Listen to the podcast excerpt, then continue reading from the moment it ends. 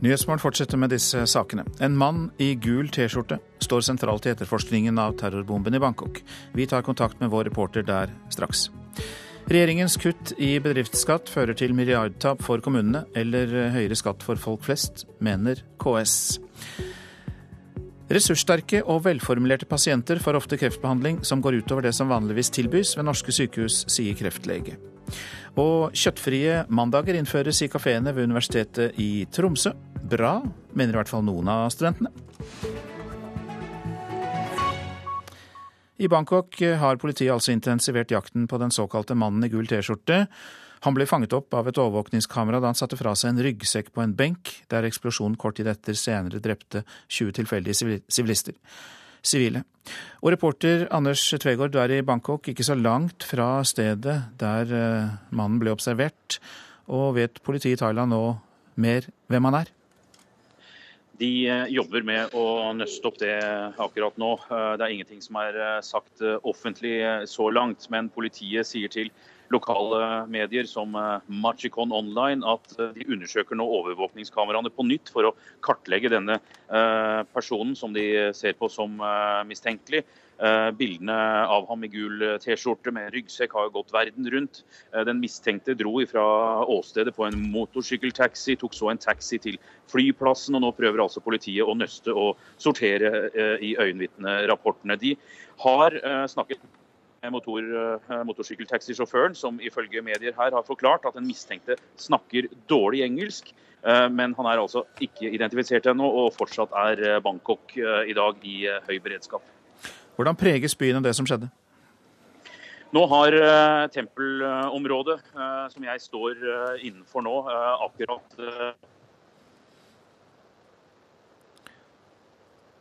Der spørs det om vi mistet der kom du tilbake igjen. Du falt litt ut, Anders Tvegård. Prøv igjen.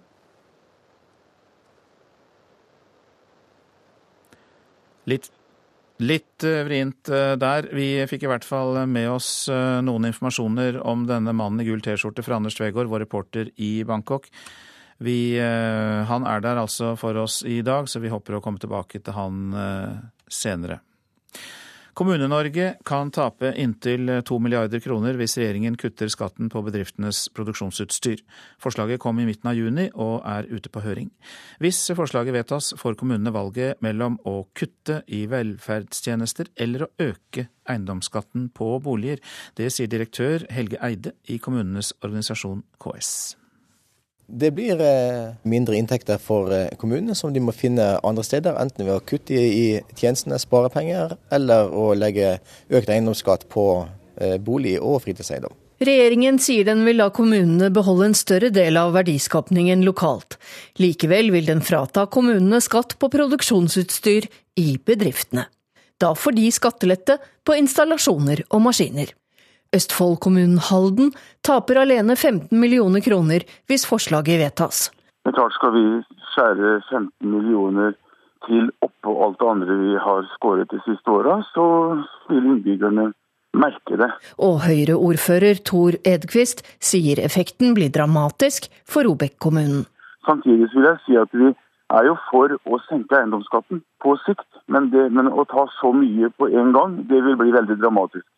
For du sier egentlig at hvis eh, du skal redusere med dette beløpet på 15 millioner kroner, så betyr det enten mindre velferdsgoder eller økt eh, eiendomsskatt for folk flest. Ja, vi har ingen andre inntektskilder å dekke opp det med, så det er bare de to mulighetene vi har. 217 kommuner har allerede oppsummert effekten av regjeringens skattekuttforslag. De taper 1,5 milliarder kroner men over 100 flere kommuner kan bli berørte. Dermed anslår KS tapene til mellom 1,5 og 2 milliarder kroner. Helge Eide er direktør for interessepolitikk i KS. De aller fleste kommuner i Norge har jo eiendomsskatt i dag, og alle som har det, har det på verk og bruk. Så i større eller mindre grad så vil dette påvirke vel 300 kommuner, kanskje enda flere. Dette er et dårlig forslag som eh, ikke man bør gå videre med. Eh, skulle man gå videre med det, så er det nok eh, og Det er vi helt sikre på at alle kommuner vil mene. Da er det viktig at kommuneøkonomien blir kompensert krone for krone. Reporter Hedvig Bjørgum. Ressurssterke kreftpasienter får oftere behandling som går utover det som er vanlig ved norske sykehus. Det sier kreftlege Stephanie Geisler til Adresseavisen. Pasienter som står på, kan lettere få individuell behandling. Det hjelper å være ressurssterk dersom du har kreft. Det sier kreftlege Stephanie Geisler til Adresseavisen. For velinformerte pasienter som står på, blir oftere vurderte for kreftbehandlinger som ikke inngår i retningslinjene i Norge. Forrige uke fortalte avisa om en studie som syner at operasjon av svulst i lunge og svulst i hjerne med kort tids mellomrom ser ut til å redde liv. Dette er en uvanlig behandlingsform både i Norge og Europa. Standardbehandling for pasienter med lungekreft og spredning til hjernen er cellegift og stråling, som bare er livsforlengende. En av de som har fått denne uvanlige kirurgiske behandlinga, er eiendomsinvestor Terje Roll Danielsen. Han var sprek og sto på sitt, sier kreftlege Geisler. Fagfolk valgte å operere han, sjøl om det var stor risiko knytt til operasjonene. Leder i Norsk onkologisk forening, Stein Sundstrøm, sier til avisa at pasienter som står på, lettere kan få individuell behandling. Men han understreker at det å være ressurssterk alene ikke er nok til å få uvanlig behandling. Sa reporter Marte Halsør. En mann i slutten av 60-årene ble funnet omkommet i Romsdalsfjorden i natt. Det var bilfergen Romsdalsfjord som så en tom båt kjøre i ring på fjorden mellom Molde og Vestnes klokka ett, sier operasjonsleder hos politiet Frode Jøsund. De eh, varsla hovedredningssentralen straks, og eh, det ble eh, satt i gang et søk med helikopter umiddelbart. Eller helikopteret var i lufta nokså snart. Cirka eh, etter tre kvarter så ble det funnet en person i sjøen. Har politiet noen eh, teori om hva er det som kan ha skjedd her? Eh, nei, det vet ikke vi. Eh, det var eh, fint vær, mye båt, båter på sjøen i går. Eh, vi vet ikke når dette her har skjedd i løpet av natta. Vi vet heller ikke hvordan eller hvorfor han havna i sjøen. Reporter Janne Britt Aasen. Så var det avisene, da, og det de har på dagsorden i dag. Hvis jeg var muslim, ville jeg følt meg urolig, sier tidligere høyesterettsdommer Ketil Lund til Dagsavisen. I sin nye bok skriver Lund-kommisjonens tidligere leder at justismyndighetene og politikerne lar seg bruke av Politiets sikkerhetstjeneste, PST, til å drive muslimfrykten her i landet kunstig oppover.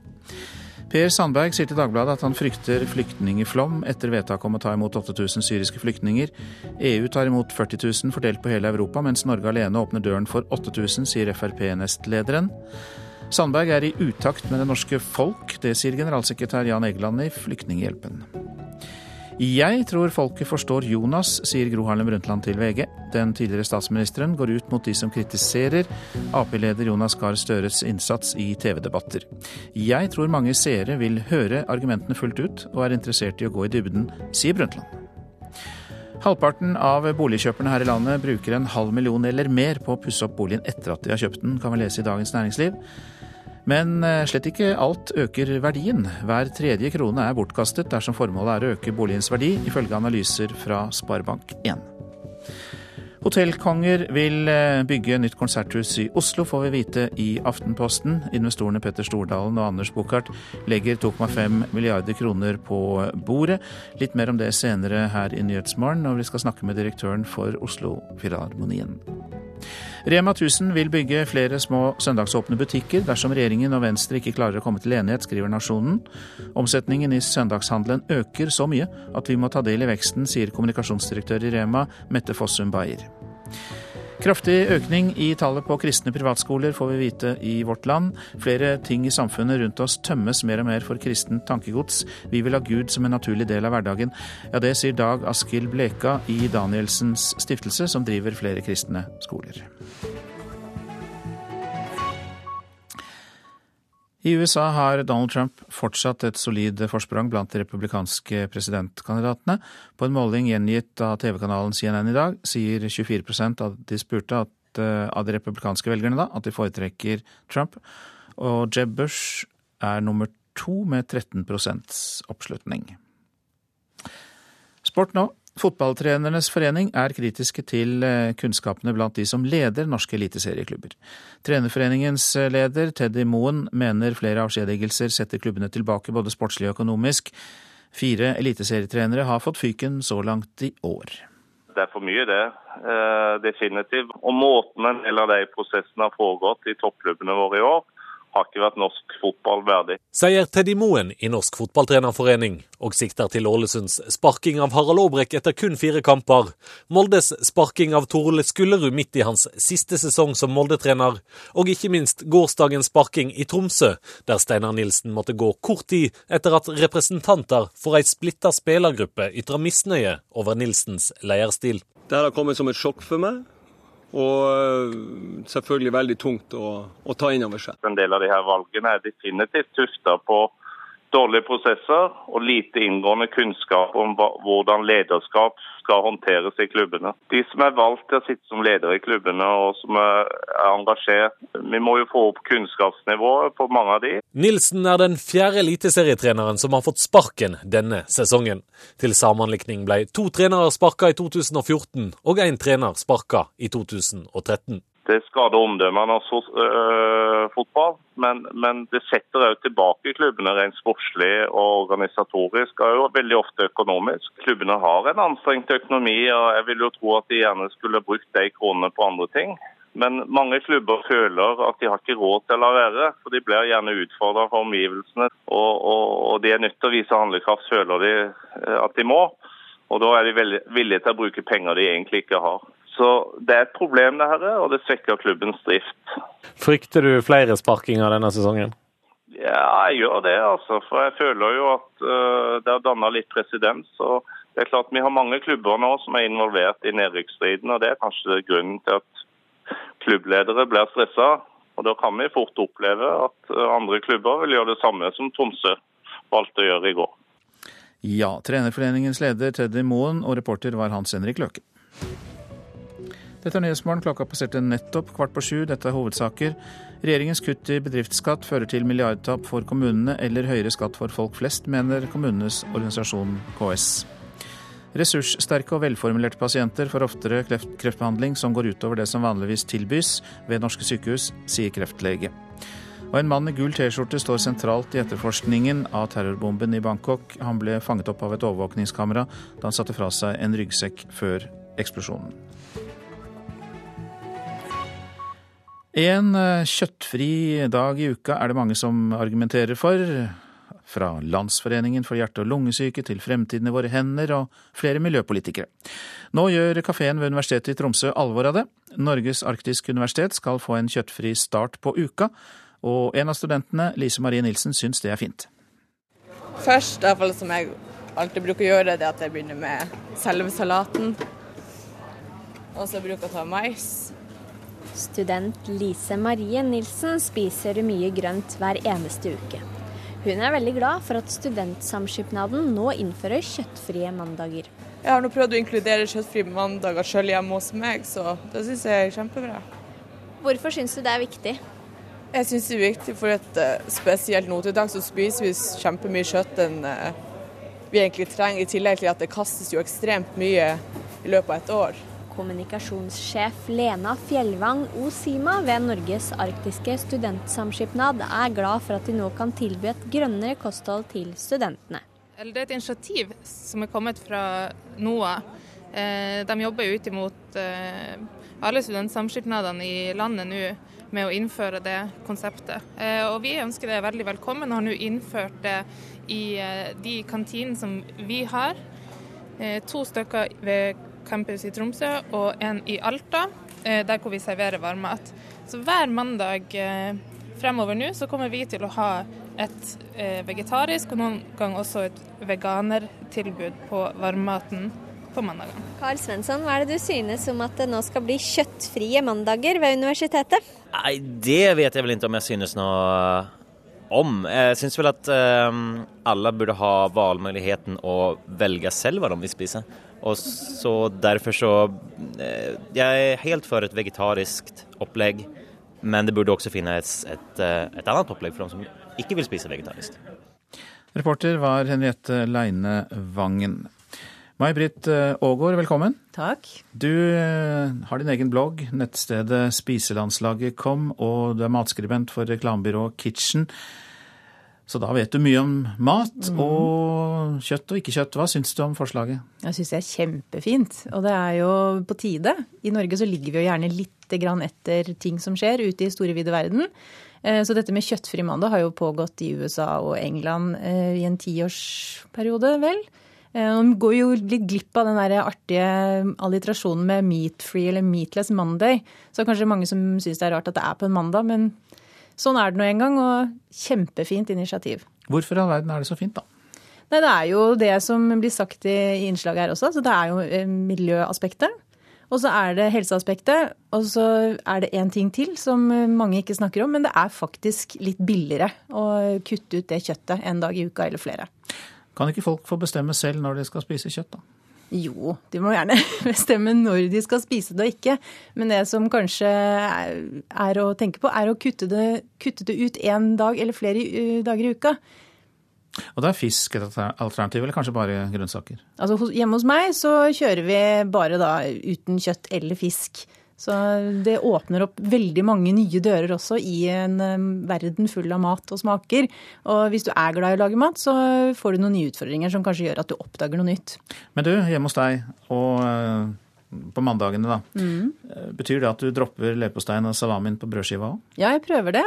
Og det er, det er, kanskje vi kan si jeg jukser litt, da, men det er jo en fin mulighet til å prøve kanskje et fiskepålegg. Eh, som vi jo også blir oppfordret til å spise mer av. Eh, hvordan kan vi enklest mulig gjøre det, hvis du skal gi oss noen gode råd for å komme i gang? Noen syns kanskje det er litt sånn vrient å få startet det? Ja, det, er, eh, det man lett tenker på med en gang med vegetarkost, er jo at det er noe rart. At man må ut og kjøpe tofu og soyaprodukter og, eh, og slike ting. Men eh, jeg tror det første er å gå gjennom lista over ting du vet allerede at du liker, og som det ikke er kjøtt i. F.eks. en tomatsuppe, pannekaker, blomkålsuppe, grønnsakssuppe og så er det mange andre. Bakt potet, den gode gamle slageren fra 80-tallet, den kan jo komme inn på ukemenyen igjen, f.eks. Fins haugevis av pastaretter hvor det ikke finnes kjøtt. Og i Sør-Italia, hvor pizzaen er fra, eh, så har man jo dette fattigmannskjøkkenet hvor det er veldig lite kjøtt inkludert. For det hadde man rett og slett ikke råd til tidligere. Kan det hende at det er noen av våre kjære lyttere som syns de ikke blir mette av kjøtt når de ikke spiser kjøtt, da? Ja, det er jo liksom det kjæresten min blant annet var litt redd for. da, At han skulle få salatblader og ikke noe mer. Kanskje litt grann olje på på mandager. Men eh, jeg er ingen salatjente, og jeg er opptatt av å bli mett. Jeg er jo flasket opp på kjøtt og glad i kjøtt. Men Bønner, linser, potet, søtpotet, ris, pasta, couscous, alle disse tingene metter veldig godt. Så det gjelder om er å eh, åpne, åpne opp horisonten litt, kikke litt på andre kulturer sine kjøkken, f.eks. indisk, hvor det er masse smaker. Som er vegetarisk? Som er vegetarisk. Ja. Men um, er det noen type kjøtt da, som er verre enn andre, som vi skal være enda mer forsiktige med enn andre? Ja, Det de sier er jo at rødt kjøtt er den største synderen. Det er også den som eh, er mest energikrevende å produsere i forhold til f.eks. For svin og kylling. Eh, så det røde kjøttet er verst både for miljøet og for helsa. Nå har vi snakket direkte til folk og uh, gått inn på middagsbordet deres til, til, dem. Men, men, hva med offentlige institusjoner og bedrifter, hva syns du de bør gjøre? Jo, kan de ikke bare prøve dette her, da? Det gjøres i andre land allerede. Eh, Belgia har man noen som gjør det. San Francisco har innført en dag. Det er jo et matmekka, det vet de som har vært der. Canada, eh, Australia. Det er ikke noe i veien for det. Jeg tror at de som ikke gjør det, de vil bli sett på som litt grann siderumpa om et par år. Så her er det bare å kaste seg på å være med på den utviklingen, som er også veldig positiv. Vil du være trendy, så er det bare å gjøre dette her, skjønner jeg nå. Ja, trendy eller ikke trendy. Du redder både deg selv og miljøet, og du sparer noen penger. Det kan jo ikke bli bedre enn det. Takk skal du ha, May-Britt Aagaard, som også blogger på nettstedet Spiselandslaget og eh, skriver for reklamebyrået Kitchen også. Som vi hørte i presserunden, Oslo kan få seg nytt konserthus. Investorene Petter Stordalen og Anders Buchardt legger 2,5 milliarder kroner på bordet for å bygge et flunkende nytt konserthus, hotell og kongressenter, skriver altså Aftenposten.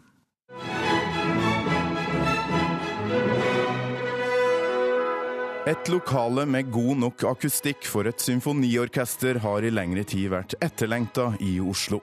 Nå kan hovedstaden få nytt konserthus. Vest for Aker Brygge og Tjuvholmen på Filipstad, ikke langt fra cruisebåtkaia, skal det kanskje bygges et nytt hus spesialbygd for slike toner. Oslofilharmonien har lenge vært misfornøyd med dagens konserthus i Vika, og har nå fått med seg Petter Stordalen og Anders Buchardt, som vil ta seg av finansieringa. Det nye konserthuset skal få 1500 sitteplasser, i tillegg til øvingslokaler og kontor.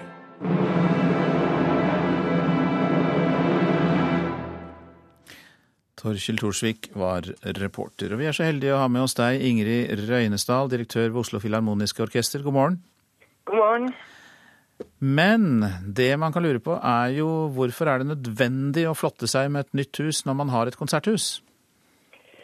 Det forstår man eh, at det er mulig å spørre om, men hele, altså, våre utfordringer, kan du si, akustisk særlig, i, i Oslo konserthus har jo vært veldokumentert over veldig lang tid. og vi har i hvert fall ikke noe tvil om at uh, det viktigste som kan skje for utviklingen av Oslo-Filharmonien, er rett og slett at vi kan få rammebetingelser og, og mulighet på den måten her. Så, så, dette er en helt unik mulighet for orkesteret.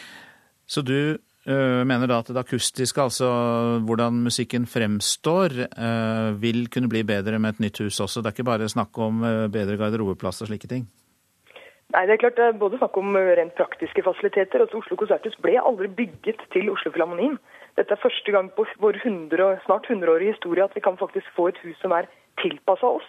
Så det er både praktiske, det er publikumsfasiliteter og det er det rent kunstneriske som vil være i, i framsetet og førersetet når vi nå prosjekterer og forhåpentligvis klarer å få realisert denne planen. Mm.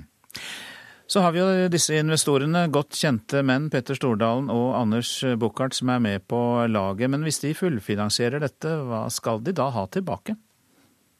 Altså, Vi kommer til å få en økt leie, det er utvilsomt det. Men, men, hele poenget her har vært at man ikke skal på en måte belaste det offentlige utover hva som er tilfellet i dag. Det har vært litt av premisset, så det har vært en del av dialogen hele veien. at Nettopp fordi de tar hele eierskapsforpliktelsene til huset så vil altså, si, det offentlige faktisk ikke ha et ansvar som de har i veldig stor grad i dag for oss. Så Sånn sett så mener vi at dette er en virkelig vinn-vinn-modell for alle aktører, egentlig. Det er også positive signaler fra Oslos kulturbyråd, men hva skal til nå da for at dette konserthuset, det er vel på Filipstadkaia så vidt jeg vet, skal bli en realitet?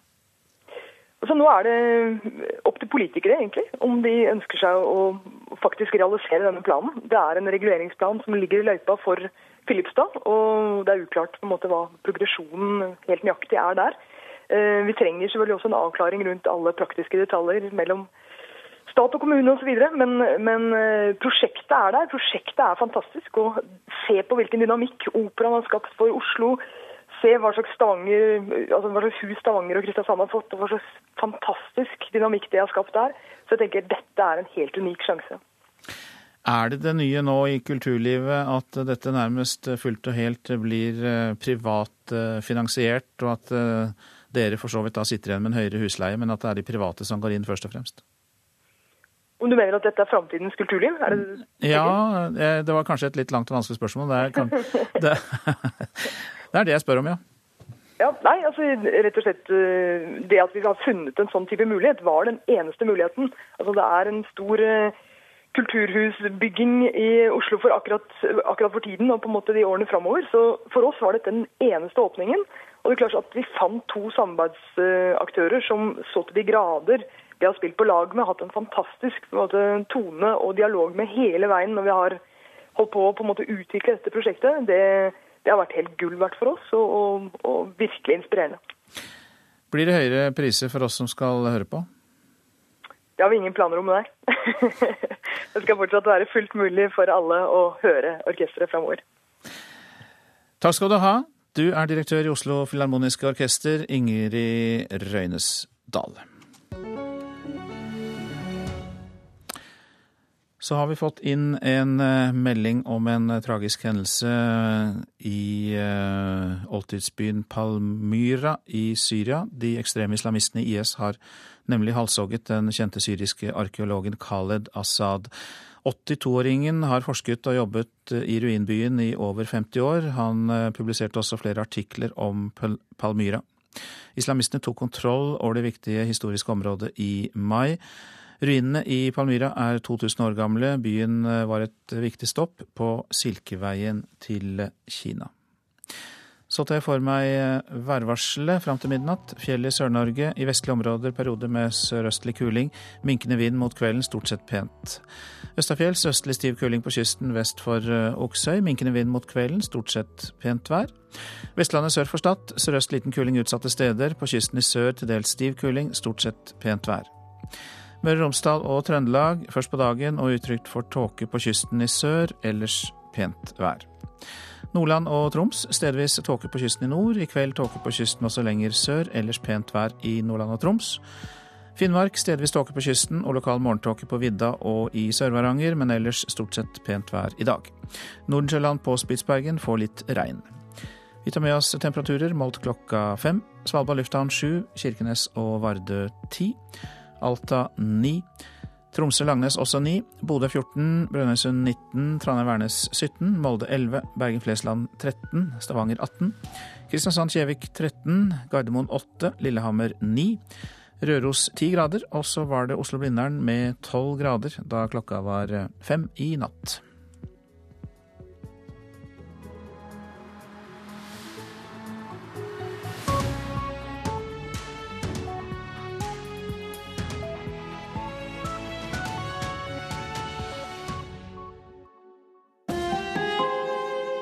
Hør ekko. Han prøver å ligge helt stille, spille død. Selv om han merker at han er skutt flere steder i kroppen, så klarer han det. Han unngår å bli en av 8000 unge menn og gutter som blir henrettet de blodige julidagene for 20 år siden i Srebrenica. Men også i dag, i 2015, er han redd. For tiden har ikke leget alle sår. Ekko 9 11 i NRK P2. Mange norske ordførere mener kommunene må tvinges til å slå seg sammen. Og Viagra for kvinner er godkjent i USA. Her er NRK Dagsnytt klokka sju. Kring halvparten av de norske ordførerne som har svart på en undersøking fra NRK, støtter bruk av tvang for å slå sammen kommuner.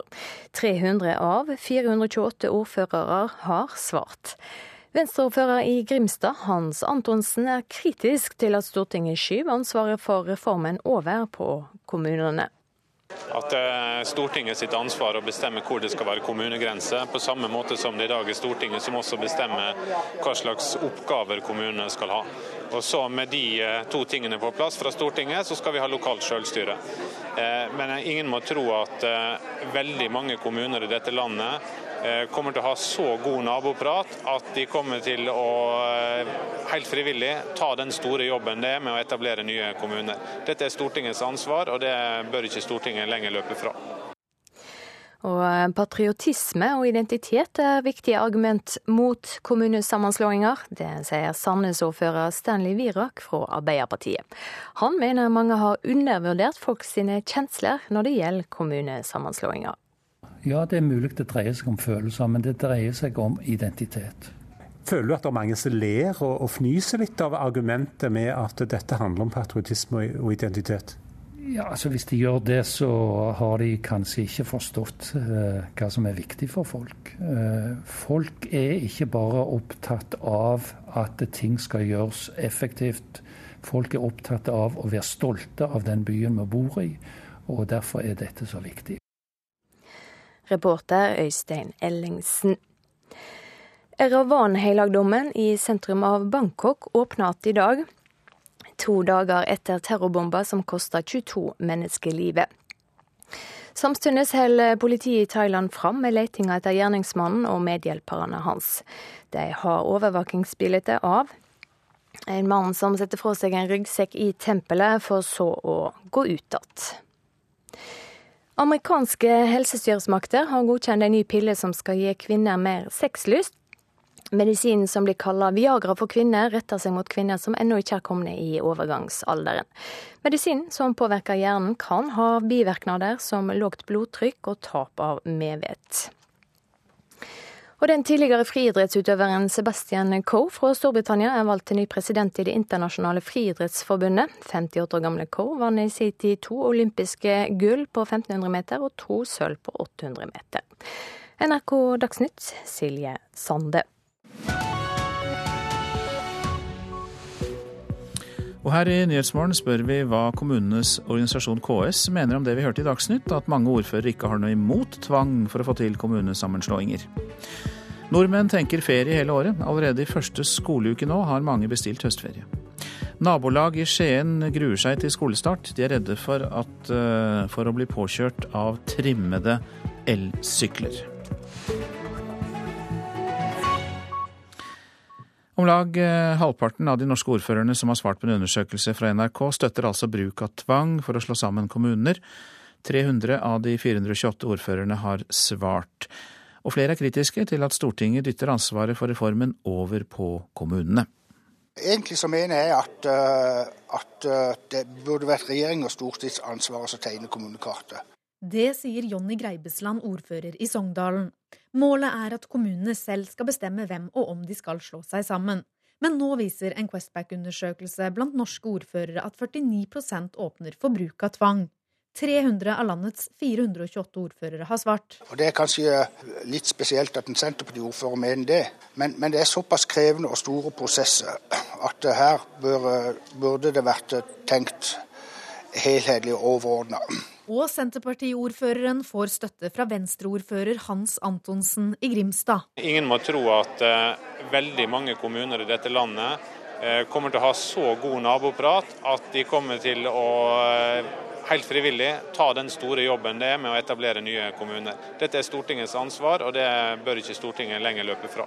Også han vil åpne for bruk av tvang, men selv vil han at sørlandsbyen skal stå alene. Vi har gjort den jobben Stortinget har bedt oss om. Nå er Grimstad en relativt stor kommune med 22 000 innbyggere. Våre utredninger viser at vi klarer å håndtere de oppgavene som vi er pålagt. Vi har nok kompetanse, vi har nok kapasitet, vi har en uh, brukbar økonomi. Så eh, gevinstene ved kommunereform framstår for oss som relativt små, sammenlignet med at vi i dag har et veldig tett samarbeid med Arendal kommune. Felles lønn, regnskap, dokumenthåndtering og mye annet som foregår som et godt eh, nabosamarbeid. Så, sånn som løpet er lagt fra Stortinget i dag, så har det ikke noen hensikt for Grimstad å eh, oppgi de kommunegrensene. Men skal man få til en nasjonal reform, så må Stortinget fortelle hvor lista skal ligge, hvor mange kommuner vi skal ha. Så skal vi nok klare å ha gode lokale prosesser, men da må vi vite at det er Stortinget som eh, bestemmer til slutt. Kommunalminister Jan Tore Sanner mener det ikke er noen god idé å tegne kartet først. Forrige store kommunereform som ble gjennomført for eh, over 50 år siden, eh, da satte man ned en kommisjon som tegnet kartet. Vi mener at vi får bedre løsninger når reformen er godt forankret og ledes av lokalpolitikerne. Men så må det selvsagt være et samspill mellom storting og regjering og lokalpolitikere, og det mener jeg fungerer godt. Reportere Veronica Westrin og David Krekling. Leder i kommunenes interesseorganisasjon KS, Gunn Marit Helgesen. Du er med oss fra studio i Molde, og god morgen. God morgen. Er du overrasket over at mange ordførere ikke har noe mot tvang for å slå sammen kommuner? Nei, jeg er i grunnen ikke det. Fordi jeg har hørt eh, mange mene at dette er Stortingets ansvar, regjeringens ansvar. Eh, det er krevende eh, å bidra i denne prosessen. Og det er krevende også å gå inn og foreslå at sin egen kommune eventuelt skal slå sammen en annen. Men for KS sin del så har vi vært veldig tydelige på at det er viktig med denne lokale forankringen. Og det er veldig viktig at man setter seg ned og finner ut hvor mener vi at vår kommune eh, er best tjent med å samarbeide med. Eh, og den prosessen er jo godt i gang. Kan jo tolkes som en ansvarsfraskrivelse at det er befriende å overlate den endelige avgjørelsen til andre utenom de kommunene som er involvert? Ja, og det er vel derfor eh, er, I et lokalvalgår så er det ingen tvil om at dette er en eh, krevende prosess. Eh, og veldig mange kommunestyrer så kan det kanskje være ganske jevnt også. Befolkningen er kanskje heller ikke noe særlig interessert. Og så skal man da ta det lederansvaret og peke på at hos oss så trenger vi å gå sammen en større kommune. Og, og sånn sett så har jeg jo hørt veldig mange ordførere eller folkevalgte si at dette er Stortingets ansvar. De må, hvis man ønsker ønsker en sånn type reform, så må Stortinget manne seg opp til å gjøre det. Eh, men jeg er enig med ministeren i at jeg tror det blir eh, bedre løsninger dersom man finner eh, løsninger lokalt. Så er det jo greit å vite for Stortinget og regjeringen at hvis det er slik at det er tvilstilfelle, så, så, så er det noen som mener at Stortinget må ta det oppdraget. Hvordan er samarbeidsklimaet og initiativene ute i kommunene når det gjelder å slå seg sammen, da? Det tror jeg er eh, veldig forskjellig, men eh, det vi får rapport om er jo at eh, de fleste kommunestyrene er jo i gang enten å utrede, har nabopraten og se på eh, jeg, hensiktsmessige eh, størrelser og hva de skal samarbeide om. Eh, så, så, jeg tror det er en god prosess på gang. Men det er klart, det er også mange steder hvor man allerede nå mener at vi trenger ikke å gå sammen med andre. Vi er store nok, eller vi fungerer godt nok. Og hvis det da skal gjøres endringer som ikke man er enig lokalt, så er det jo eventuelt regjering og storting som blir adressaten. Hvilke negative følger kan det eventuelt få etterpå, hvis det da ender med at det er Stortinget som må bestemme? Ja, Det er jo vanskelig å si, men vi har jo noen erfaringer fra den siste sammenslåingen hvor eh, noen hadde vonde sår veldig mange år etterpå. Eh, men de fleste er vel sånn at når vedtaket er fattet, så bretter vi opp ermene og forsøker å gjøre det beste videre. Og sånn håper jeg jo det blir denne gangen også.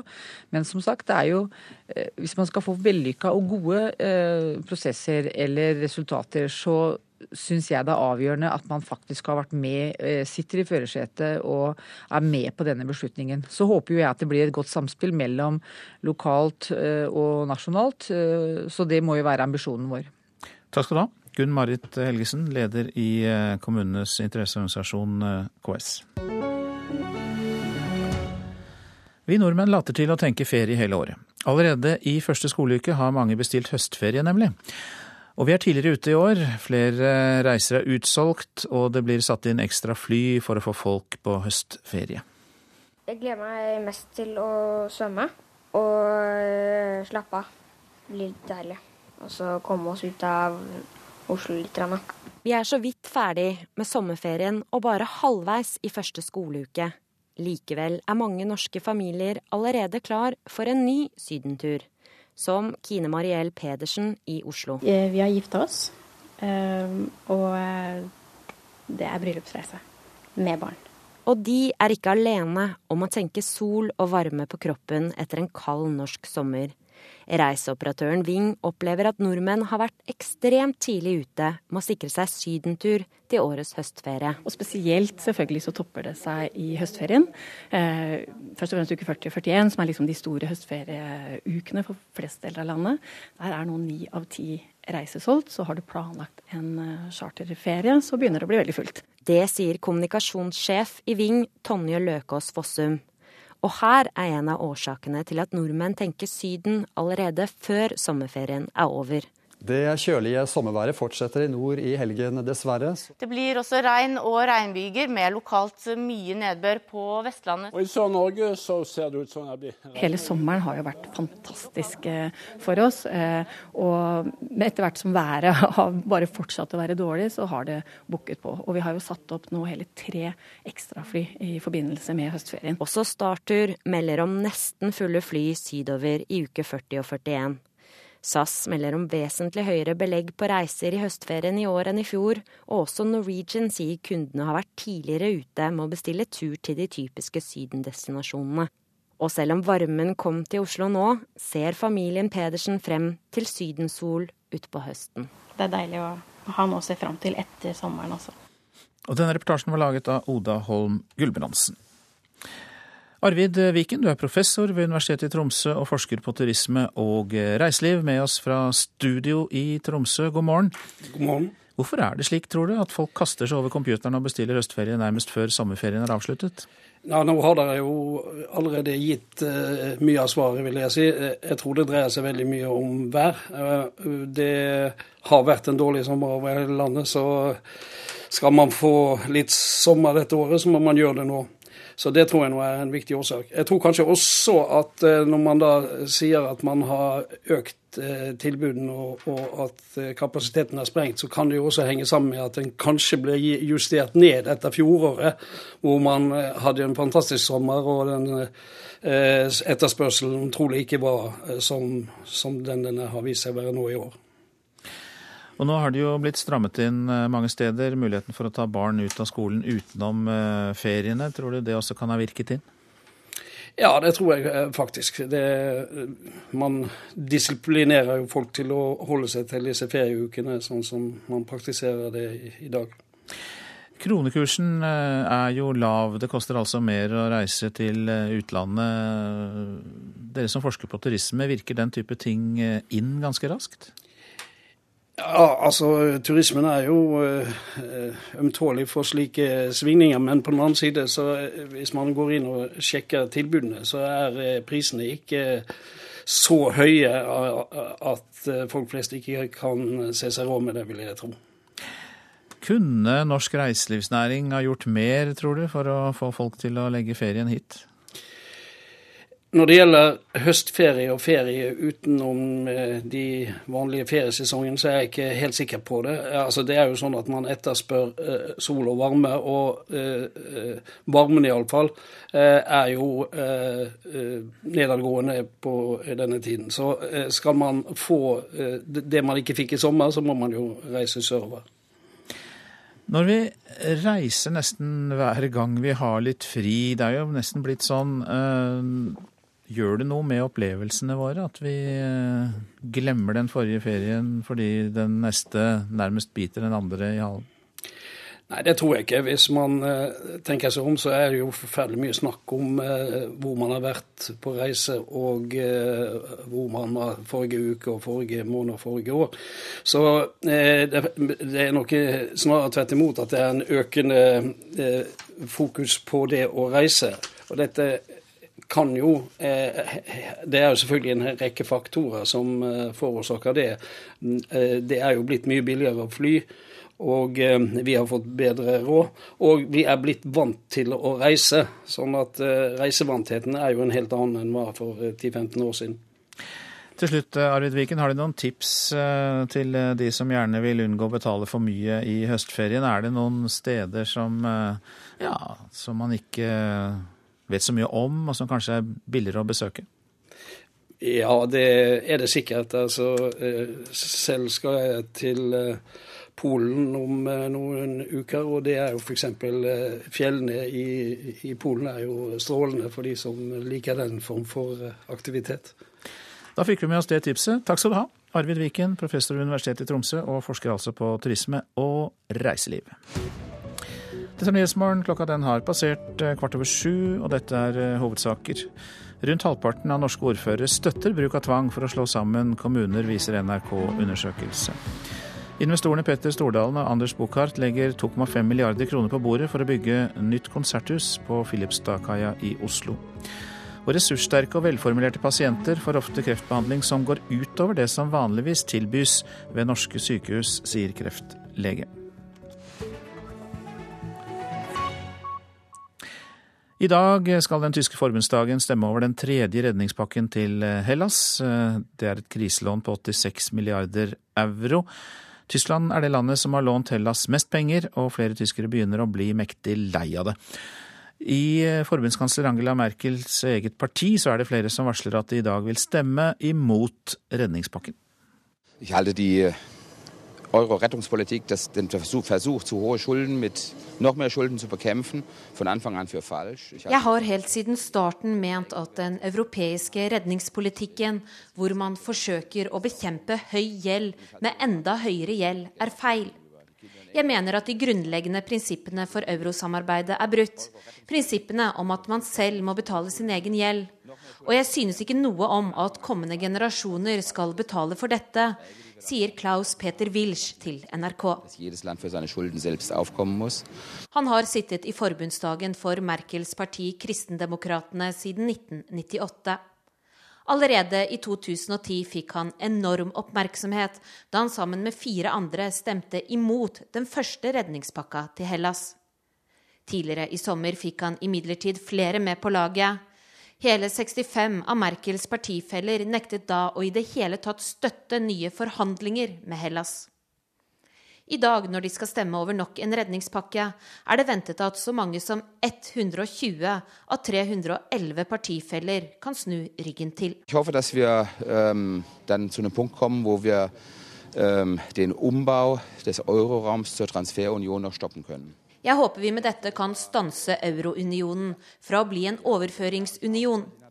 For det var aldri meningen med eurosonen. Hensikten var derimot en valutaunion der enhver feier for sin egen dør. Det kan ikke være forventet at vi skal hjelpe alle. Vi har våre egne oppgaver å løse, sier Wilsch. Men selv om han taler partilederen midt imot, mener han ikke at hun må gå. Ei heller er det et alternativ for ham å bytte parti. Nei, nei. Wenn Sie sich die anderen Fraktionen anschauen im äh, Bundestag, Eh, Når man ser på de andre fraksjonene i forbundsdagen, så ville det ikke vært noe bedre med dem. Men vi er flere i Kristendemokratene som har betenkeligheter, og nå forsøker vi å skaffe oss mer rom sier Wilsch. Angela Merkel selv ble søndag i et intervju med den tyske TV-kanalen ZDF konfrontert med at flere av hennes egne partifeller vil bryte rekkene og ikke støtte det som etter hvert har blitt Merkels prestisjeprosjekt. Men det tar hun med sin sedvanlige knusende ro. Alle har rett til å mene det de vil, men det er flertallet som bestemmer, sier Merkel.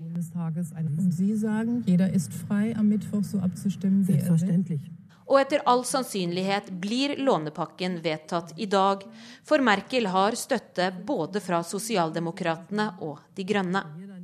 Likevel, med opprøret i eget parti har hun fått et sterkt signal om at det bør bli svært lenge til neste gang regjeringen ber forbundsdagen om mer penger til Hellas. Guri Nordstrøm, Berlin. Mandag ga Obama-administrasjonen sitt endelige ja til at oljeselskapet Shell kan bore etter olje i havområdet mellom Alaska og Russland. I går sendte den demokratiske presidentkandidaten Hillary Clinton ut en twittermelding der hun skriver at eh, det ikke er verdt risikoen å bore etter olje og gass i Arktis. Hillary Clintons twittermelding var nok uventet støtte til Greenpeace og andre miljøaktivister som tidligere i sommer forsøkte å hindre Shells borerigg i å forlate Seattle, og senere prøvde å stanse reparasjonen av en isbryter som skal frakte sikkerhetsutstyr til Alaska. Det har nemlig ligget i kortene en stund at Obama-administrasjonen kom til å gi grønt lys til at Shell kan gjenoppta oljeleting i Alaska, etter at flere uhell i det sårbare havområdet førte til en bråstopp i 2012. Admiral Robert Papp er en mann som startet sin militære karriere i kystvakten i Alaska på midten av 70-tallet. Nå er han USAs spesialutsending for Arktis, i praksis daglig leder for Arktisk råd så lenge USA har formannskapet. Han mener Shell har tatt alle nødvendige forhåndsregler, men legger ikke skjul på at det er utfordrende å drive oljeleting i Sjuksjihavet. Uh, no uh, det faktum at det ikke finnes noen havner i nærheten, og at det fortsatt er mye is som kan skape problemer, er en stor utfordring, sier Papp. Nærmeste havn er over 1300 km fra der Shell skal bore etter olje, sier Papp til NRK. Miljøvernaktivister frykter at is og bølger på 16-17 meter kan gjøre det enda vanskeligere å få kontroll over en utblåsning enn det var i Mexicogolfen for fem år siden, der eksplosjonen på Deepwater Horizon drepte elleve mennesker og førte til at flere millioner fat olje rant ut i havet. Obama vil bli husket som en miljøversting hvis det går galt for Shell, sier kritikerne, som Hillary altså nå har gitt sin støtte. Men det går ikke galt, forsikrer Shell. Dessuten, det utstyret som ble utviklet for å stanse utblåsingen i Mexicogolfen, vil nå være stasjonert på isbryteren, som må være i nærheten så lenge det pågår boring i Tsjuksjihavet. Og Washington-utsendingen for Alaskas guvernør, Kip Knutson, er lykkelig fordi ventetiden er over. The Trans-Alaska pipeline system is uh, three quarters empty, one quarter full. Trans-Alaska-rørledningen er nå tre firedels tom, bare en kvart full. Så om olje kan skipes ut via den rørledningen, betyr det ekstra skatteinntekter for Alaska, sier Kip Knutson. Tenk på det slik, det er like mye olje utenfor kysten av Alaska som det er utenfor kysten av Norge, legger han til. Klart vi må utnytte det. Gro Holm, Washington. Så var det det avisen er opptatt av i dag. Hvis jeg var muslim, ville jeg følt meg urolig, sier tidligere høyesterettsdommer Ketil Lund til Dagsavisen. I sin nye bok skriver Lund-kommisjonens tidligere leder at justismyndighetene og politikerne lar seg bruke av Politiets sikkerhetstjeneste, PST, til å drive muslimfrykten her i landet kunstig oppover. Per Sandberg sier til Dagbladet at han frykter flyktningflom etter vedtaket om å ta imot 8000 syriske flyktninger. EU tar imot 40 000 fordelt på hele Europa, mens Norge alene åpner dørene for 8000, sier Frp-nestlederen.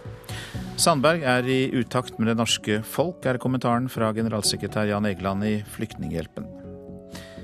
Jeg tror folket forstår Jonas, sier Gro Harlem Brundtland til VG. Den tidligere statsministeren går ut mot de som kritiserer Ap-leder Jonas Gahr Støres innsats i TV-debatter. Jeg tror mange seere vil høre argumentene fullt ut, og er interessert i å gå i dybden, sier Brundtland. Ressurssterke kreftpasienter kommer lengst, sier kreftlege Stephanie Geisler til Adresseavisen. Velformulerte pasienter som står på, får ofte behandling som går utover det, vanlig, det som vanligvis tilbys ved norske sykehus. Halvparten av boligkjøperne her i landet bruker en halv million eller mer på å pusse opp boligen etter at de har kjøpt den, kan vi lese i Dagens Næringsliv. Men slett ikke alt øker verdien. Hver tredje krone er bortkastet dersom formålet er å øke boligens verdi, ifølge analyser fra Sparebank1. Hotellkonger vil bygge nytt konserthus i Oslo. Det får vi vite i Aftenposten, og det har vi også omtalt her i Nyhetsmorgen. Investorene Petter Stordalen og Anders Buchardt legger 2,5 milliarder kroner på bordet for å bygge konserthus, hotell og kongressenter på Filipstadkaia vest for Tjuvholmen. Rema 1000 vil åpne flere små søndagsåpne butikker dersom regjeringen og Venstre ikke klarer å komme til enighet, skriver Nasjonen.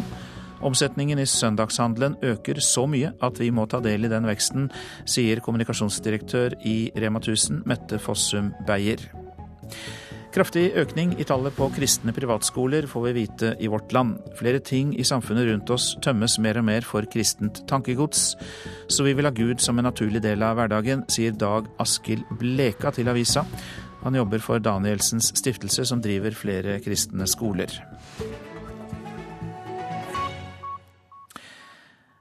Nå om beboere på Falkum i Skien som er redde for å bli påkjørt av elever på elsykler som ligner på scootere. I Trygg Trafikk og på Mæla ungdomsskole er det forståelse for denne frykten for tråsykler med elektrisk hjelpemotor, og de ber barnas foreldre komme på banen. Agnes og Rolf Hansen er blant dem som gruer seg til skolestart og sykler med høy fart. Ja, vet du, de, jo, de kjører jo så fort. Og du skal jo ikke kjøre fort på et fortau, du skal jo stoppe opp da når det går folk der. Men det gjør de jo ikke. Hvor kjedelig er det at det er sånn her i nabolaget? Ja, Miljøet er ødelagt. For vi har jo hatt et fint miljø her.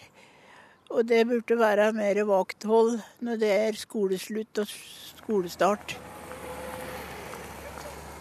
Jeg har ikke noe tall på det, men det er flere og flere som ringer hver dag nå. Som er bekymra for sin egen sikkerhet på fortauet og på gang- og sykkelveien. Det sier Brita Straume i Trygg Trafikk, som forteller at eldre så vel som småbarnsforeldre tar kontakt. For den ser ut som en liten scooter og har blitt voldsomt populær de siste året. Men sykkelen kjøres på fortauet, og mange går ulovlig fort. Elevene Sander, Kirsten og Vanja ved Mæla ungdomsskole er tre av mange som nå kommer seg raskere til skolen. Jeg tipper det er flere elsykler eller det er nesten like mange som har elsykkel som sykkel, ser det ut som. da. Hvorfor er de blitt så populære? Det er ikke slitsomt. Men dere må trå litt på de òg? Ja, jeg må det. Min er ikke trimma. Det er noen eh, eldre naboer i området som faktisk har grua seg til skolestart, fordi det er så mange av disse her. Og dere kommer litt fort på, på gangfeltet. Hva tenker dere om det? Jeg skjønner jo det, men når jeg ser noen som kommer mot meg, så bremser jeg jo ned og kjører til sida. Jeg henger liksom rundt dørene her sånn halv ni-tida. Rektor Torkel Evensen, der kom det ei med elmoped og hjelm. Ja, det er ganske uvanlig at de har det, mener jeg. Du sier at nå kommer rushen, klokka nærmer seg halv ni. Hvem er det ungdomsskole? Og det er mm, flust av elmopeder eller sånne scootypuffer. Ja, det er det. Jeg syns at de framskrittsmidlene er eh, veldig farlige. For de kjører som noen tullebukker. Og få av dem bruker hjelm. Og de kjører fort. Og så reagerer jeg litt på at de er så lette å manipulere slik at de, at de går eh, fortere enn det de skal gjøre. Men så er det jo lovlig, da. Ja, og da kan ikke jeg gjøre så mye med det. Jeg vet at det er noen skoler som sier at de er forbudt på skolen, men jeg har ikke lyst til å være noe sånn lokalpoliti akkurat på det. Men jeg tenker at det her må foreldre og, og andre myndigheter ta noe ansvar, altså. Brita Strømme i Trygg Trafikk, hva syns du? Jeg er, eh, er overraska over at det er så mange som eh, har eh, disse elsyklene med hjelpemotor. Dette kan få alvorlige konsekvenser, og jeg spør meg hvor foreldrene er. Dere har vel et ansvar der, dere også? Både Trygg Trafikk og politiet jobber for å, for å, se nærmere på det og påvirke de som bestemmer lovene. Men det er ikke bare gjort på et knips. Brita Straume i Trygg Trafikk der, til reporter Grete Ingeborg, eh, Ingebjørg Berge, som også hadde besøkt naboer på Falkum i Skien og Mæla ungdomsskole. Vi tar med at eh, den tidligere friidrettsutøveren Sebastian Coe fra Storbritannia valgte ny president i Det internasjonale friidrettsforbundet. 58 år gamle Coe vant i sin tid to olympiske gull på 1500 meter og to sølv på 800 meter. Han satte åtte verdensrekorder i perioden 1979 til 1981. I Politisk valgkvarter, som begynner rett etter Dagsnytt, så debatteres kommunesammenslåing og tvang. Og striden rundt søndagsåpne butikker blir det også tid til å diskutere der. Produsent for Nyhetsmorgen i dag, Marit Selmer Nedrelid. Her i studio, Øystein Heggen. Og så minner vi om det utmerkede nettstedet radio.nrk.no, der du kan høre alle NRKs radiokanaler. Du kan også fange opp tidligere sendte programmer der.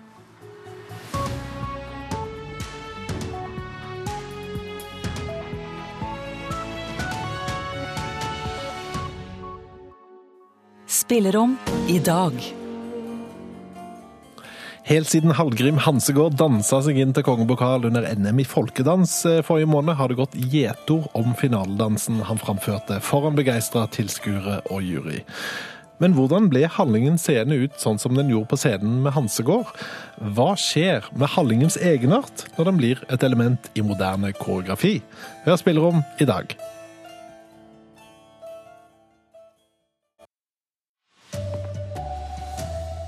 Mange norske ordførere synes det er greit at Stortinget tvinger fram kommunesammenslåinger.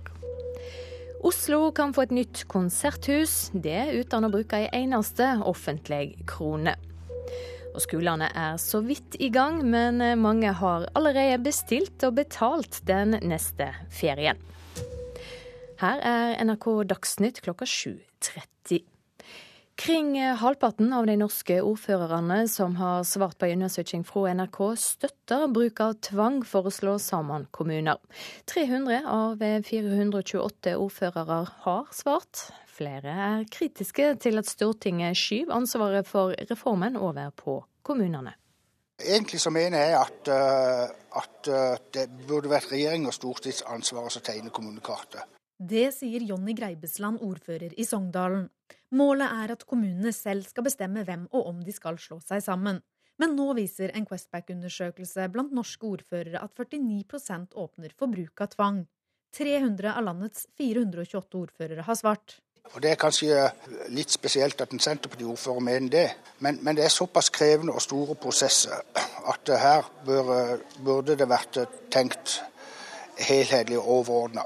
Og Senterpartiordføreren får støtte fra Venstre-ordfører Hans Antonsen i Grimstad. Ingen må tro at uh, veldig mange kommuner i dette landet uh, kommer til å ha så god naboprat at de kommer til å uh, helt frivillig ta den store jobben det er med å etablere nye kommuner. Også han vil åpne for bruk av tvang, men selv vil han at sørlandsbyen skal stå alene. Dette er Stortingets ansvar, og det bør ikke Stortinget lenger løpe fra. Kommunalminister Jan Tore Sanner mener det ikke er noen god idé å tegne kartet først. Vi mener at vi får bedre løsninger når reformen er godt forankret og ledes av lokalpolitikerne. Men så må det selvsagt være et samspill mellom storting og regjering og lokalpolitikere, og det mener jeg fungerer godt. Reportere Veronica Westrin og David Krekling. Styresmaktene i Thailand søker fremdeles etter gjerningsmannen fra terrorbomba i forgårs, da 22 mennesker mista livet. Og reporter Anders Tvegård med fra Bangkok sentrum, hva skjer der nå?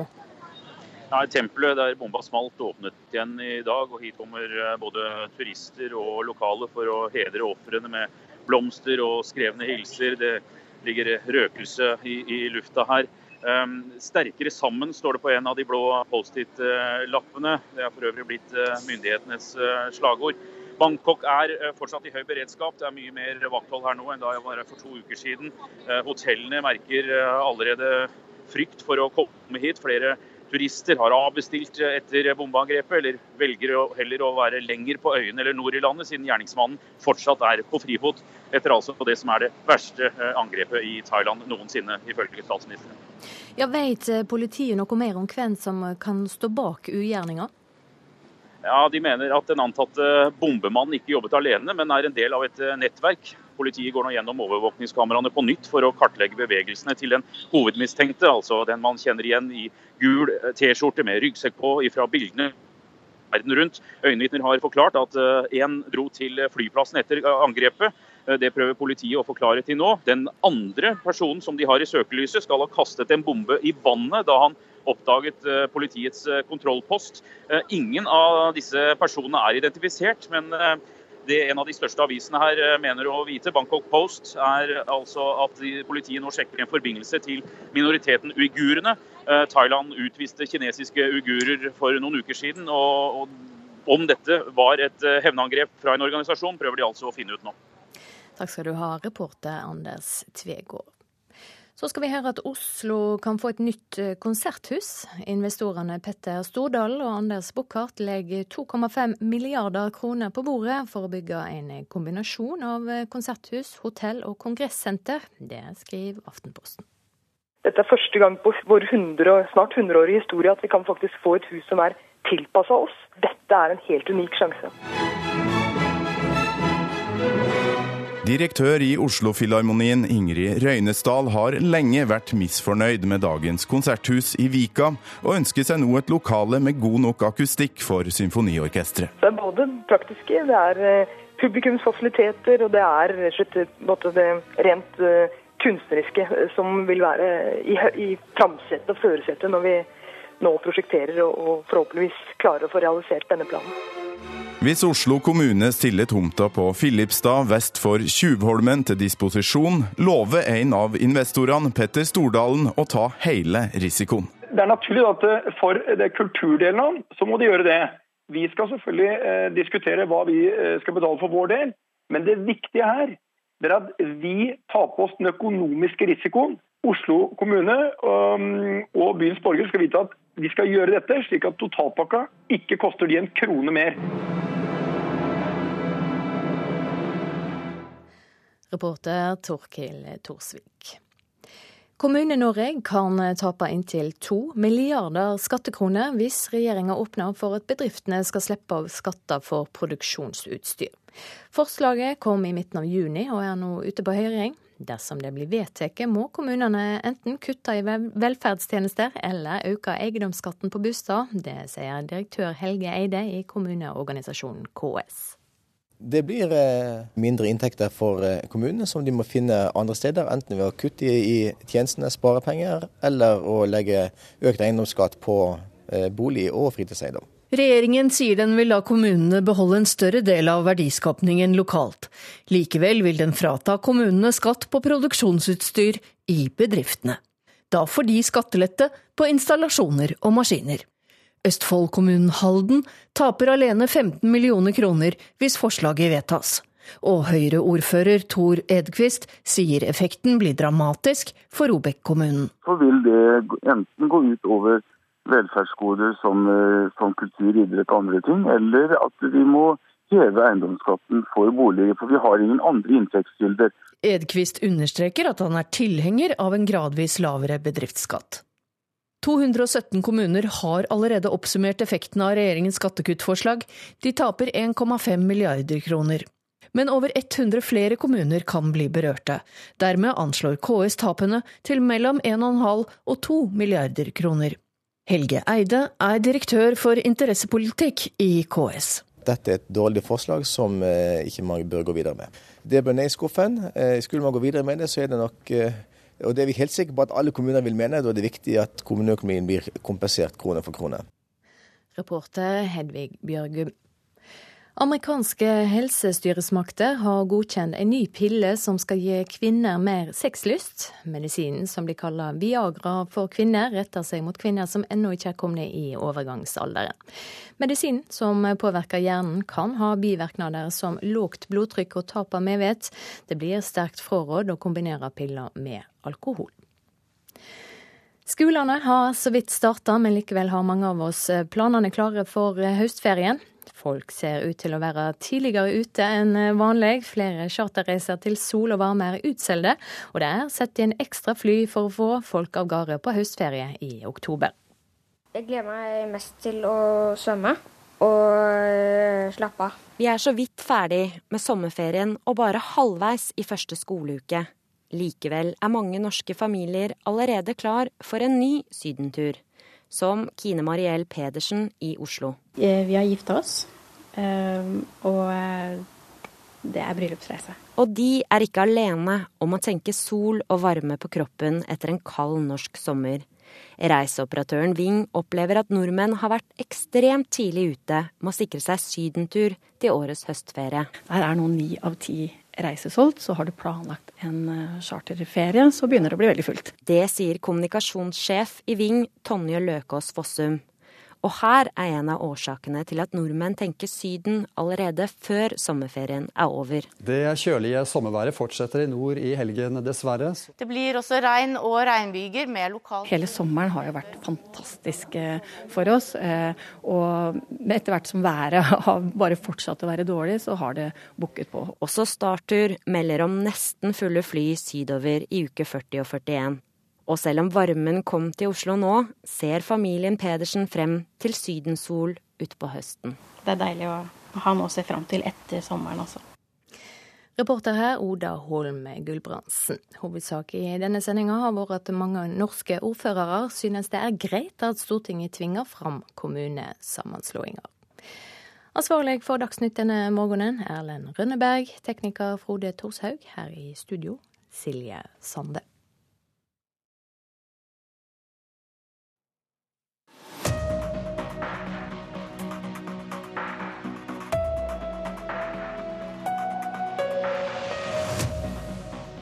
Noen tør knapt ta T-ordet i sin munn, men ordføreren du skal få møte nå i Politisk valgkvarter, er ikke en av dem. Han er lei av at Stortinget ikke vil snakke om tvang, og mener få kommuner vil la seg friste til å slå seg sammen.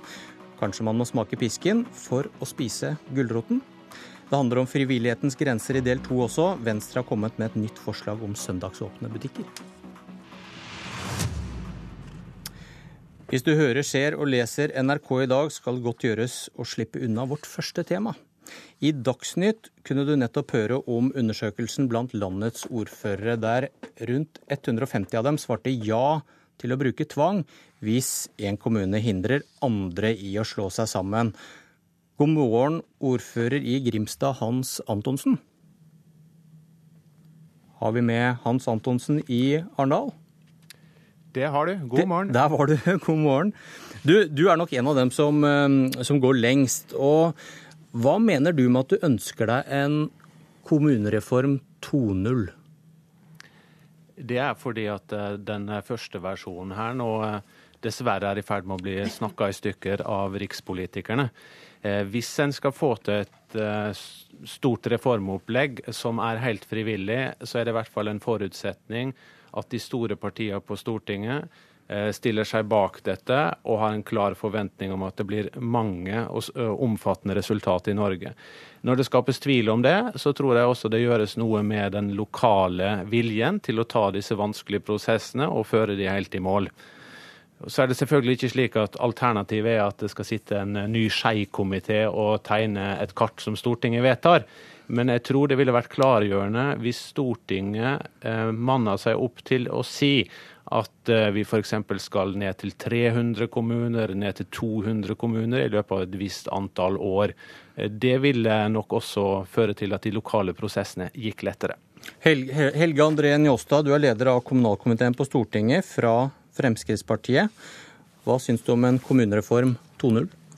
Nei, Vi må gjøre oss ferdig med kommunereform 1.0 først. Eh, og Der er vi jo nå i, i halvgått løp. der eh, Kommunene har lokale prosesser. De har frist til neste sommer med å melde tilbake hva de har tenkt å gjøre etter sin naboprat. Så det vil være helt feil å eh, endre dramatisk på spillereglene. Så vi har heller tillit til at kommunene gjennomfører de gode prosessene og ikke lar seg spore av at rikspolitikere, og da spesielt Arbeiderpartiet, sår tvil om hva de selv mener og hva som bør være riktig med kommunereformen. Og Da er det bedre at eh, kommunene får ro nå til å ha sine gode prosesser fram til 1.7. Men hvor tydelig har du selv vært på dette med tvang, da?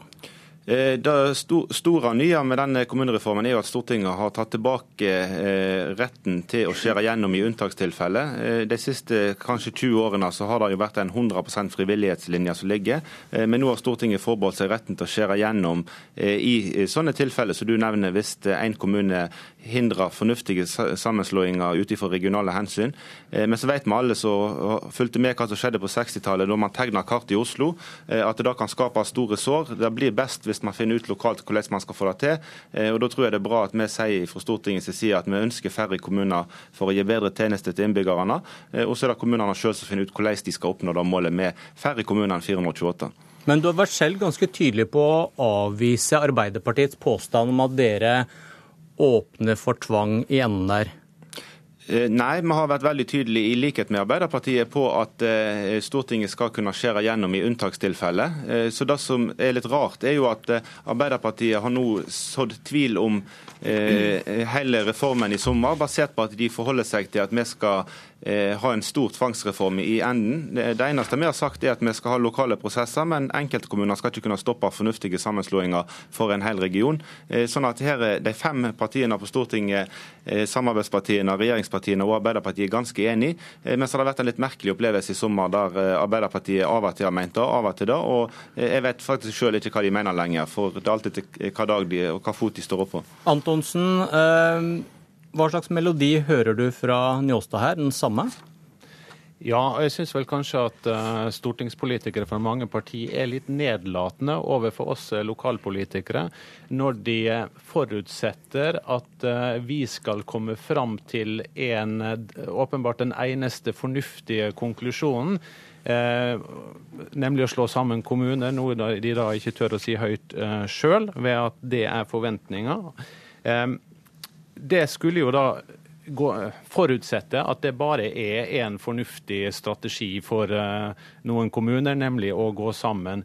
Jeg tror at uh, det er slik at de fleste kommuner har ulike strategier de kan velge. Uh, mange har en forventning om at Arendal og Grimstad f.eks. skulle slå seg sammen. Vi følger nå en annen strategi der vi jobber oss stadig tettere sammen, har et utstrakt interkommunalt samarbeid, men består som eh, to eh, ulike og to selvstendige eh, kommuner. Og jeg er redd for at mange av disse prosessene som pågår rundt om i kommunen i dag, som det er rett at det er mange av de, de er prosesser først og fremst fordi at man vil vise at man har gjort den jobben Stortinget har sagt at vi skal gjøre, nemlig å gjøre en utredning. Eh, også i mange kommuner fordi at man er redd for konsekvensen av å ikke ha gjort den, eh, den utredninga. Det kommer antageligvis ikke til å bli mange kommunesammenslåinger ut av det. Og når statsministeren også legger lista så lavt som når hun antyder at hvis det bare går ned fra 428 til eh, under 400. Da snakker vi egentlig ikke om en kommunereform, vi snakker om en overmoden revisjon, eh, noen små endringer på kommunekartet. Og vi får ikke det sterkere lokaldemokratiet som kunne oppstå ved at vi fikk mer naturlige enheter for å drive samfunnsutvikling lokalt. Marit Arnstad, parlamentarisk leder i Senterpartiet. En kommunereform 2.0 og denne tilbakemeldingen fra ordførerne i vår undersøkelse i dag. Hva tenker du om det? Så Det interessante med den undersøkelsen er jo at eh, ordførerne svarer jo ikke på om de ønsker tvang i sin egen kommune, de svarer generelt på om de ønsker tvang i kommunene. Og jeg tror Hvis eh, spørsmålet har blitt stilt om de ønsker tvang i egen kommune, så har mange sagt eh, at det ønsker de ikke. Og så er det jo sånn at En del av de største kommunene vil jo ønske tvang, fordi de vil jo se seg tjent med å innlemme mange av de, flere av de mindre kommunene rundt seg, og er redd for at noen av dem skal være motvillige. Og Da er selvsagt dem, har de et ønske om å bruke tvang overfor de, at Stortinget skal bruke tvang overfor de kommunene. Eh, jeg må si at jeg har verken tro på sentralt diktat fra Stortinget eller på tvang. Jeg tror at hvis du skal få en kommunesammenslåing som varer, og som ikke skaper veldig vanskelige prosesser i ettertid, så må det skje basert på frivillighet. Det er det eneste måten du kan få den rausheten eh, inn i en sånn sammenslåingsprosess som det, som det du trenger. Eh, men jeg er jo enig med Antonsen i at det er mye kaos og forvirring i det sentrale politiske miljøet. Det er det. Den kaoset og den forvirringa er først og fremst om målene for denne reformen, og om de oppgavene som kommunene skal få. Eh, og når Njåstad sier her at han har ikke vært uklar, men Arbeiderpartiet har vært uklar, så må jeg jo si at han har jo sagt at alle de andre kommunene skal forholde seg til den fristen neste sommer, men ikke hans egen hjemkommune. Eh, og det er jo den type utsagn som nettopp bidrar til den uklarheten som Antonsen sier. Det var vel Austevoll det da, Njåstad? Ja, men det har jeg selvfølgelig ikke sagt. Jeg har jo sagt at alle kommuner skal forholde seg til fristen 1.7 neste år. og Da har Stortinget òg gjort et vedtak på. Eh, og så har jeg sagt at jeg er veldig enig med ordføreren i Austevoll om at eh, all den tid man ikke vet hvor en fastlandsforbindelse kommer, så er det et moment som må være eh, en del av den vurderingen. Men alle kommuner skal melde tilbake til Fylkesmannen hva de mener 1.7. Og jeg er helt sikker på at det blir best resultat både i Arendal og Grimstad ved at det er ordførerne og kommunestyrene og lokalbefolkningen der som diskuterer det, mer enn at Stortinget Stortinget skal sitte og tegne et kart i, i Oslo. Eh, Skjøt han ned Men, poenget, eller vil du gjenta det, Arnstad, om Austevoll? Nei, altså han, han, er jo da referert i avisene på at han mener at Austevoll må uh, kunne slippe å forholde seg til den fristen når det gjelder sammenslåing, som alle andre må forholde seg til. Og så sier han det at det har med bru og samferdsel å gjøre. Og det kan han jo i og for seg forstå, men du har jo samtidig en regjering som verken vil avklare bru, veier eller andre ting forut for, for kommunesammenslåinger. De vil heller ikke avklare andre økonomiske forhold som mange kommuner nå baler veldig med og syns er veldig vanskelig vanskelig å finne ut av i en sånn type kaffekoppdrøfting som de driver med. Hvordan skal de gjøre det med inntektssystemet? Hva kommer til å skje med det som er av kraftinntekter? Hva kommer til å skje med e-verk som de eier, og som de eventuelt skal ha i et sånt samboerskap med et annet fylke, f.eks.? Den type spørsmål er jo regjeringa overhodet ikke villige til å gå inn i. For det vil de ikke på en måte Det, det tror jeg de, de syns er et vepsebord som de ikke vil inn i.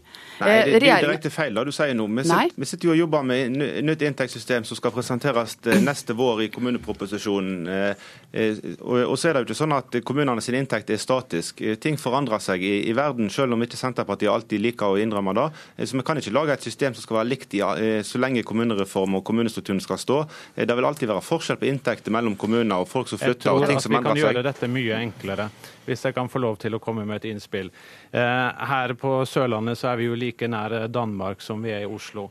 Eh, danskene fant en måte å gjøre dette på, nemlig å si at vi har en forventning om at kommunene finner sammen. Hvis de ikke finner sammen, så kan vi som nasjonalforsamling gå inn og fortelle hvor kommunegrensene skal gå. Er det ikke det Njåstad sier at er det som nei, gjelder, da? Nei, fordi eh, det man snakker om her, er at hvis det er unntakstilfeller eh, eh, den ene som ikke vil, når mange rundt vil, eh, så kan man gå inn. Men jeg tror man skulle si fra Stortingets side at vi har en forventning om at det skal at kommuneantallet skal eh, reduseres vesentlig, kanskje ned til 300 kommuner eller noe sånt, som ville være realistisk i Norge.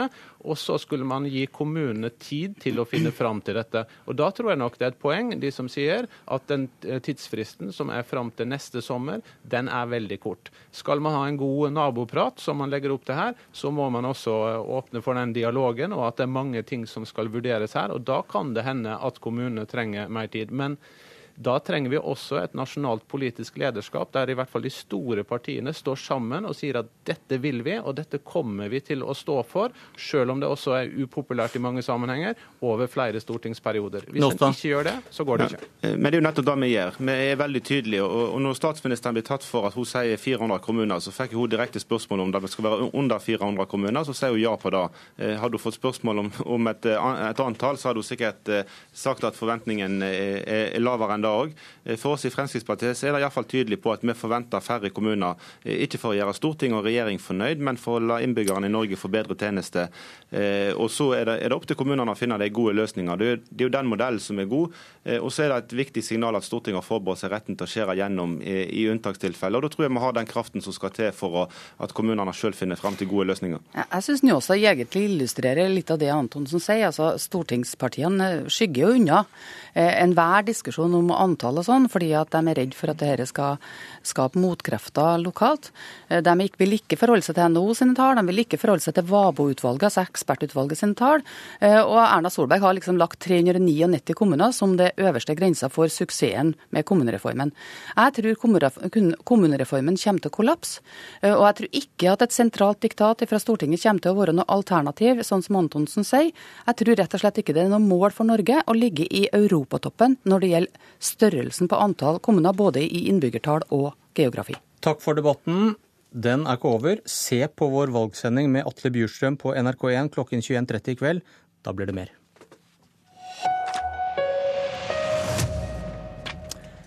Venstreleder Trine Skei Grande har kommet med et nytt forslag om søndagsåpne butikker. Venstre har vært for at kommunene selv skal få bestemme, men til Aftenposten sa Grande at hun ikke vil gå så langt likevel. Hun foreslår at kommuner som er turiststeder skal få ha søndagsåpent, men at nå skal kommunene selv få bestemme om de er et turiststed. Det er Venstre som avgjør denne saken. De kan gi regjeringen flertall for en oppmykning av reglene. Og Tord Hustveit, leder i Unge Venstre, syns du partilederen din kom med et godt forslag? Jeg synes jo Den viktigste grunnen til å eh, flytte makta om søndagshandel ned til kommunene, er at folk skal få større mulighet til å bestemme over sitt eget lokalsamfunn og påvirke hvordan det skal se ut. Eh, og En del av det mener jeg også må være om man skal kunne ha søndagsåpent eller søndagsstengt eh, der man bor. Og Det jeg frykter litt med å flytte det her over fra en debatt hva er best for vårt lokalsamfunn, at det blir over til en debatt om er vi et turiststed eller ikke. Og at det viktigste må være er det her noe som gjør vårt samfunn, vårt lokalsamfunn bedre. Og Det, det syns jeg er en litt negativ side ved det forslaget her. Eh, Så svaret er nei, dette er et dårlig forslag fra? Jeg vil si det er et dårlig forslag, for jeg mener at man går i, riktig, går i den retningen. Eh, men jeg mener at det blir litt sånn eh, Jeg skulle gjerne sett at man sto på det som var i partiprogrammet, men så skal jeg gi skryt for én ting. Og det mener jeg at man er konstruktiv og prøver å finne en løsning. For den saken her har pågått lenge. Og jeg mener det er på tide at vi klarer å lande det og finne et eller annet vi kan være enige om. Og jeg mener at det her er et tydelig tegn på at nå blir det en liberalisering. Fordi nå har regjeringa også svart at det her er noe de kan se på. Det, det skal de skryte på. Men så håper jeg at vi i samtale med regjeringa kan komme fram til et forslag som kanskje kan være enda bedre eller nærmere der vi var i utgangspunktet. Ligger det i svaret ditt at det er et prinsippløst forslag hun kommer med? Jeg mener at prinsippet som lå i Venstres stortingsvalgsprogram, var at vi skulle flytte makt nedover. Eh, det skjer her, men det skjer etter en omvei. Og jeg skulle ønske vi kunne gått en rett, rett, rett til eh, det å flytte makt ned. Trine Skei Grande var invitert hit for å utdype forslaget, men takket nei. For vi skal snakke sammen, som Erna Solberg sa til Aftenposten. Eh, men Emil André Erstad, leder i Kristelig Folkepartis Ungdom. Hvilke styrker ser du ved forslaget til Trine Skei Grande? Jeg syns det er oppmuntrende å se at Venstre har skjønt det resten av tilhengerne av søndagsåpne ikke har skjønt, nemlig at dette er en tapt sak, og at en derfor prøver å finne en måte å komme seg ut av saken på. Eh, det er en sak som eh, folket, fagrørsla, næringslivet og sivilsamfunnet er ganske tydelig imot. Men man kan vel si at hvis en kommune kan få definere seg som et turiststed og dermed få søndagsåpne butikker, så kan vel alle bare gjøre det? Ja, Det at Venstre eh, er så desperat etter å komme seg ut av denne saken at det tyr til et så dårlig og lite prinsipielt eh, forslag som Trine Skei Grande nå kommer med, det viser, det viser jo saken. Og jeg syns det er veldig utydelig og vagt hva som ligger i Venstre sitt forslag. Det etterlater egentlig flere spørsmål enn svar. F.eks. så sier Trine Skei Grande at det skal opp til kommunene å bestemme sjøl om de skal være turistkommuner. Eh, at ikke Fylkesmannen skal bestemme det sånn som i dag. Likevel så skal det være noen kriterier til grunn for om en kan være turistkommune. Eh, og da er det jo litt eh, nærliggende å spørre hvem som skal godkjenne om de kriteriene er, er til stede, når en kommune da sjøl skal kunne bestemme om en er en turistkommune. Så det framstår litt lite gjennomtenkt. Og det andre er at det ser ut til å legge opp til en økt byråkratisering. Eh, Trine Skei Grande sier f.eks. at søndagsåpne butikker ikke skal gjelde i hele kommunene, men bare der turistene er. Uh, og Jeg aner ikke hvordan en har tenkt å løse det i praksis, men det høres veldig byråkratisk ut. Vi får ikke svar på det, men Hustveit, du, du mener at KrF nå bør bruke muligheten til å påvirke? At de har fått en slags eh, åpen dør her? Ja, jeg, jeg mener at vi, fikk, vi er fire partier som har fått et flertall sammen, som vi skal forvalte eh, på vegne av våre velgere. Eh, og her er det jo en sak som KrF har veldig sterke meninger om. Eh, og nå er jo den saken i bevegelse, og da kunne det vært et poeng for KrF å være med her. hvis det er en, For jeg skjønner at det er viktig for dere, eh, og da kan jo det her være en mulighet for dere til å være med å påvirke eh, saken og hvilken retning den går i.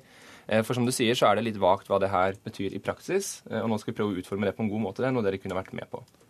Nei, Jeg syns ikke det er noe godt grunnlag for at vi skal gå inn i diskusjonen om søndagsåpne med regjeringen. Vi har vært veldig tydelige i vår kommunikasjon, og det her endrer egentlig ingenting. Bortsett fra at jeg går bort ifra prinsippet og prøver å gjennomføre det via bakveien. Men det er en annen logikk enn det dere brukte i Nydalen når dere laget en samarbeidsplattform hvor man gir litt, og så får man litt. Mm, men det her var jo ikke med i samarbeidsplattformen, og vi har vært veldig tydelige på hva som Men logikken er den samme, er den ikke det? Man kan få til noe ved å sette seg ned og forhandle?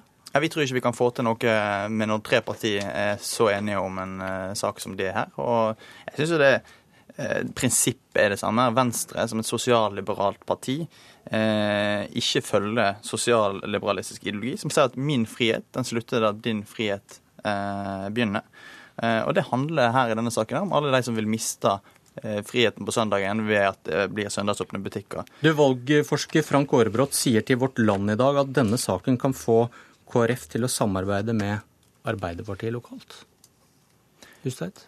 Jeg håper jo eh, KrF har større drømmer enn søndagsstengte butikker, eh, og at de ser at det er andre områder vi finner sammen på. F.eks. det at vi ønsker å flytte makt nedover, som vi gjør i denne saken her, men som KrF ikke ønsker å være med på her. Eh, men også i skolepolitikken, at vi ønsker en skolepolitikk som ser den enkelte elev, og at vi ønsker at folk skal ha størst mulig frihet, og for KrFs del at familien skal ha størst mulig frihet. Og Det mener jeg at du får på borgerlig side med et samarbeid med oss. Hva tenker du om Aarebrotts analyse at uh, i lokalvalget nå så kan dette føre til at KrF velger Arbeiderpartiet? Jeg tenker at denne saken her skaper en veldig stor ideologisk kløft mellom KrF og de blå. Eh, fordi det er en frontkollisjon mellom fellesskapstenkning og en, en, form for frihetstenkning på den ene sida, og en eh, veldig sterk individualisme på den andre sida. Eh, og det er en veldig utfordring. Her kjemper vi mot, mindre, mot mer forbruk, mot mer kommersialisering og mer individualisme. Mens regjeringa da har dette som sitt mål i denne saken. Og det det er en veldig klar front for oss. Ja-nei-spørsmål til slutt. Skjønner han hvor viktig denne saken er for KrF, tror du? Det tror jeg ikke. Det var et nei. Emil André Erstad, Tord Hutveit, takk for at dere kom til Politisk kvarter. Kan igjen minne om at dere kan se på NRK Valget i kveld halv ti. Atle Bjurstrøm om kommunestruktur. Nå er Politisk kvarter slutt. Jeg heter Bjørn Myklebust. Butikkene i Ålesund bør være åpne på søndager. Loppa må tilby ungdom sommerjobber i kommunen. Det er feil å bruke penger på en ny kunstgressbane i Hoff. Hvilket parti deler ditt syn? Ta partitesten på nrk.no valgomat.